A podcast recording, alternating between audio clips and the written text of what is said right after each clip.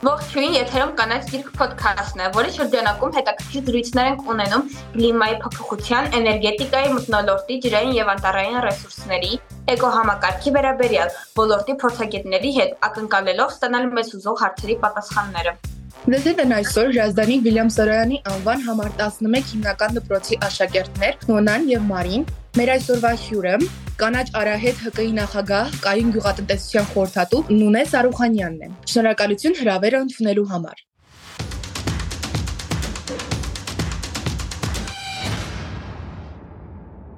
Հայաստանում գյուղատնտեսության ոչ իհուն է ավելի զարգացած եւ ինչով է դա պայմանավորված։ Շատ ճիշտ հարցադրում է, սակայն նշեմ, որ Հայաստանի Հանրապետությունում այդ այդքան էլ ճիշտ չէ այս պահին մենք շեշտադրենք այս կամ այն ուղղությունը քանի որ հիմնականում գրեթե բոլոր ուղղվածությունները համաչափ զարգանում են այսինքն այստեղ եւ բանջարաբուծություն պտղաբուծություն անասնապահություն տարբեր մշակաբույսեր քանի որ Հայաստանի Հանրապետությունը ունի գրեթե բոլոր կլիմայական գոտիները տեսեք 380 մետր ծովի մակարդակից ընդཐུպ մինչև 4000 մետր բարձրությամբ հետեւաբար նման կլիմայական պայմանները հնարավորություն են տալիս բույսերի բազմազան արտադրության։ Արարատյան հարթավայրը այսպես կոչված ունենք նաև մասնագիտացումներ։ Եթե Արարատյան հարթավայրի մասին ենք խոսում, ապա Արարատյան հարթավայրում ավելի շատ բանջարաբոստանային մշակաբույսերն են, նախալեռնային գոտում կոնկրետ հատապտուղներ, պատղատու ծառեր եւ լեռնային շրջաններում ավելի շատ անասնապահությունն է։ Այնպես որ գրեթե բոլոր ուղղությունները կարող եք հանդիպել Հայաստանում եւ համաչափ զարգացումը նույնպես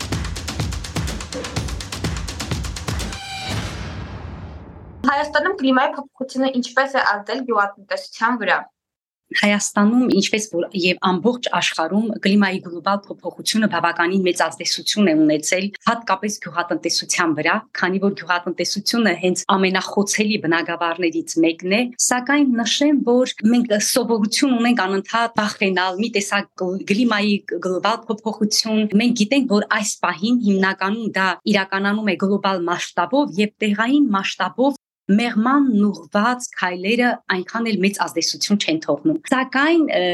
պետք չէ այդքան սարսափել կլիմայի գլոբալ փոփոխությունից, օրինակ, եթե նայենք լեռնային շրջաններում, որտեղ մշակաբույսերի բազմազանությունը շատ քիչ է, կլիմայի գլոբալ փոփոխության պայմաններում արդեն կարող են նրանք մշակել նոր սորտեր, մշակել նոր մշակաբույսեր, հետևաբար նրանց եկամուտները բավականին կարող են ավելանալ։ Բացի այդ, մենք պիտի ворթեգրենք մշակության այլ տեխնոլոգիաներ, այսինքն այս պայմաններում սորտերի ճիշտ ընտրությունը, մշակաբույսերի ճիշտ ընտրությունը, նաև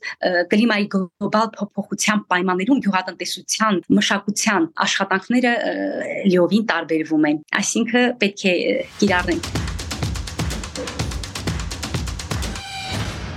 Հանցնենք հաջորդ հարցին։ Ինչ լուծումներ կան գյուղատնտեսության զարգացման փոփոխվող կլիմայի պայմաններում, որոնք են կաթիլային ռոռոկման համակարգի առավելությունները։ Հայաստանի Հանրապետությունում ջրային ռեսուրսները բավականին շատ են, սակայն մենք այսօր ունենք արդյունավետ կառավարման խնդիր։ Հետևաբար այս իրավիճակում հատկապես կլիմայի գլոբալ փոփոխության պայմաններում կաթիլային ռոռոկման անցումը շատ կարևոր է, քանի որ այս դեպքում մենք ոչ թե ջրում ենք պարզապես ամբողջ հողը, ջուրը, այլ կոնկրետ կաթիլային ռոռոկումը նպաստում է հենց բույսին։ Այսինքն այդ դեպքում ջրի խնայողություն են ունենում, չեն ջրվում, հողը մոլախոտերը ավելի քիչ են լինում եւ մշակաբույսերի բերքատվությունը ավելանում են 25-30 եւ ավելի տոկոսով։ Այսօր շատ տնտեսություններում արդեն բացի կաթիլային ռոռոկումը ավելի շատ թելամիտ գյուղատնտեսության անցման հետ կապված նույնիսկ ավտոմատացված է այդ համակարգը, այսինքն ավտոմատացնելով համակարգը որոշում են թե բույսին որքան ջուր է անհրաժեշտ եւ միայն այդքան կաթիլային ռոռոկման համակարգ այդքան չափով ջուր է տրամադրում շատ հատկապես արարատյան հարթավայրում երբ ջրի գոլորշիացումը բավականին մեծ է նախալեռնային գոտում այսօր տնտեսությունների մի ստվար մասը անցնում է այդ համակարգին իսկ ջրի գոլորշիացումը կախված է եղանակի ջերմաստիճանի հետ գոլորշիացումը Այո, հիմնականում, այսինքն ջերմաշճանի բարձրացման հետ է կախված, սակայն ոչ միայն։ Օրինակ, Արարատյան հարթավայրն է հավե ավելի շատ խոցելի, քանի որ հողատարածքների ավելի քան 80%-ը գտնվում են անապատվածման եզրում։ Այդ հարաբերակցությունը ոնց կարող ենք ներկայացնել, այսինքն տեղումների քանակը այսօր ավելի ենք չանում, քան գոլորշիացումը։ Հետևաբար այսօր ոչ միայն Արարատյան հարթավայրը, այլև նախալեռնային եւ լեռնային շրջանները նույնպես վտանգված են։ Արտերկրից մշակաբույսերի, սերմերի ներմուծման համար ինչպիսի պահանջներ են առաջադրվում ունենք մենք Հայաստանի Հանրապետության սերմերի մասին օրենքը, որտեղ հստակ ներկայացված են այն պահանջները, թե ներկրողը ինչ պահանջներ պետք է ապահովի։ Այսինքն, այնպես չէ, որ այսօր մենք անսահման քանակով արտերկրից կարող ենք սերմեր ներկրել, այդ դեպքում մենք բավականին պետք է ունենանք կոնկրետ այդ սերմերի հավաստագրումը, սորտերի մասին հստակ տեղեկություններ։ Բացի այդ, այդ սերմերը 1-2 տարի պետք է փորձարկվեն Հայաստանում։ Այսինքն, սկզբնական շրջանում փոքր քանակներով կարելի է ներկրել գրել եւ որ արդեն գիտական գիտահետազոտական ինստիտուտները կամ համապատասխան մասնագետները փորձարկումների արդյունքում ողջվի որ այդ սորտը ավելի արդյունավետ է քան այն որը մենք մշակում ենք ապա իհարկե կարող են ներկրել եւ շատ մանրամասնություններ կարող է միգուցե եւ ես չհիշեմ սակայն սերմերի մասին օրենքում հստակ ամրագրված են բոլոր կետերը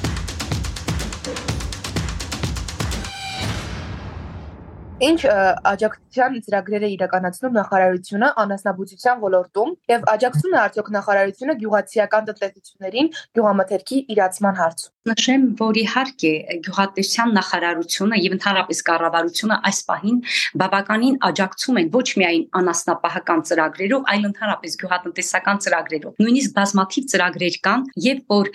խելամիտ տնտեսություններ են հիմնվում, այսինքն այգիներ, կամ խելամիտ գոմեր, այսպես կոչված, եւ որ այնտեղ ապահովում են կենթանիների համար բոլոր բարեկեցիկ պայմանները, այսինքն նորմալ անասնագոմեր, այդ պայմաններում, եթե չեմ սխալվում, սուբսիդավորվում է։ Այսինքն, եթե 50% ֆերմերն են ներդրում, 50% էլ պետությունն է, այսինքն այդ ծախսը հոգում։ Այնպես որ կան նման ծրագրեր մթերքների իրացման հարցում անկեղծ ասած դա շուկայական հարաբերությունների ձևավորում են եւ պետության դերը այդտեղ իրացումը չէ այդ մթերքների իրացման հարցը չէ այսինքն պետության հիմնական դերը քաղաքականության մշակումն է համապատասխան ծրագրերի կամ սուբսիդիաների տեսքով ֆերմերներին աջակցելը իսկ այդ շուկայական հարաբերությունները ինքնստիքյան արդեն կանոնակարգվում է տարբեր միավորումների ասոցիացիաների կոոպերատիվների եւ ընդհանրապես նման կազմակերպությունների աջակցությամբ Միգուցե պետությունը նաև աջակցի նման ծրագրերը, չեմ կարող ասել, այս բանը չգիտեմ։ Դա պայմանավորված, որ Հայաստանում գյուղատնտեսության մեջ առաջնային ճյուղը դա բուսաբուծությունն է առաջնային ճյուղը դա բուսաբուծությունն է, քանի որ հիմնականում անասնապահությունը մի քիչ ավելի դժվար ոլորտ է, կարելի ասել ավելի ծանր ոլորտ է եւ հիմնականում գյուղատնտեսական մշակաբույսերի արտադրության մեջ, այսինքն այդ պահին հետ դարձ, այսինքն հետ վերադարձը գումարի ավելի արագ է կատարվում։ Կենթանիների դեպքում մի փոքր երևի ավելի է եւ ավելի շատ ներդրումներ են պահանջում։ Այսինքն եթե այս պահին մենք պիտի պարզապես լոլիկ, լոբի կամ ինչ որ մշակաբույս պետք է մշակենք, միամյա մշակաբույսերի դեպքում հենց աշնանը մենք ստանում ենք բավականին մեծ եկամուտ, այսինքն մեծ կարողա, չգիտեմ, կարող է եւ լինեն բնական աղետներ եւ եկամուտները այդքան էլ մեծ չնեն ամեն դեպքում եւ ներդրումներն են քիչ եւ այդ շրջապտույտը գումարի ավելի արագ է անասնապահության մեջ մի փոքր այլ է Նորից շնորհակալ եք Նունե Սարուխանյանին հետաքրքիր զրույցի համար։ Համոզված ենք, որ ոչ միայն մենք, այլև մեր ուկնդիրները շատ նոր բաներ բացահայտեցին այս հաղորդման շրջանակում։ Շնորհակալ եմ երեխաներ, կեցեք։ Դե իսկ մենք հիշեցնենք, որ եթերում կանաչ գիրք ոդքասթներ։ Մենք հասանելի ենք գրեթե բոլոր հարթակներում, այնպես որ բաժանորդագրվեք ոդքասթին նոր հաղորդումները բաց չթողնելու համար։ Իսկ մենք կհանդիպենք շատ շուտով։